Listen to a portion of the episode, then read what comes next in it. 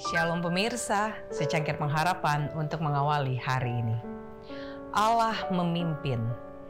Dituntunnya umatnya keluar dengan kegirangan dan orang-orang pilihannya dengan sorak-sorai.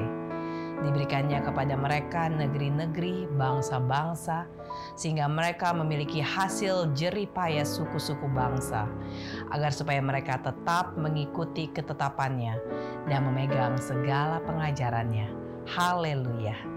Mazmur 105 ayat 43 sampai 45. Awan bagi orang Mesir yang merupakan satu dinding kegelapan, bagi orang Ibrani merupakan satu pancaran cahaya yang besar yang menerangi seluruh kemah mereka dan memancarkan terang kepada jalan yang ada di hadapan mereka.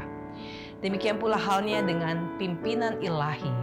Bagi orang yang tidak percaya, itu mendatangkan kegelapan dan putus asa. Sementara bagi orang yang berharap, itu dipenuhi oleh terang dan damai.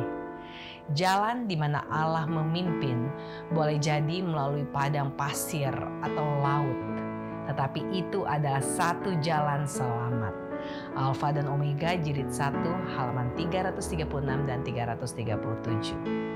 Allah tidak pernah memimpin umatnya kecuali mereka itu sendiri memilih untuk dipimpin. Jika mereka dapat melihat kesudahan dari permulaan dan memandang kemuliaan dari maksud yang sedang mereka genapi sebagai teman sekerja dengan Dia, Bukannya Henok yang telah diubahkan dan naik ke surga. Bukannya Elia yang naik ke surga dengan kereta berapi yang lebih besar atau lebih dihormati daripada Yohanes Pembaptis yang telah binasa sendiri dalam gua. Sebab kepada kamu dikaruniakan bukan saja untuk percaya kepada Kristus, melainkan juga untuk menderita dan dari semua segala pemberian yang dapat diberikan oleh surga kepada manusia.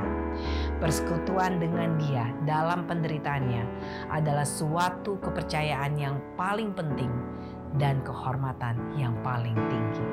Alfa dan Omega, jilid 5 halaman 236.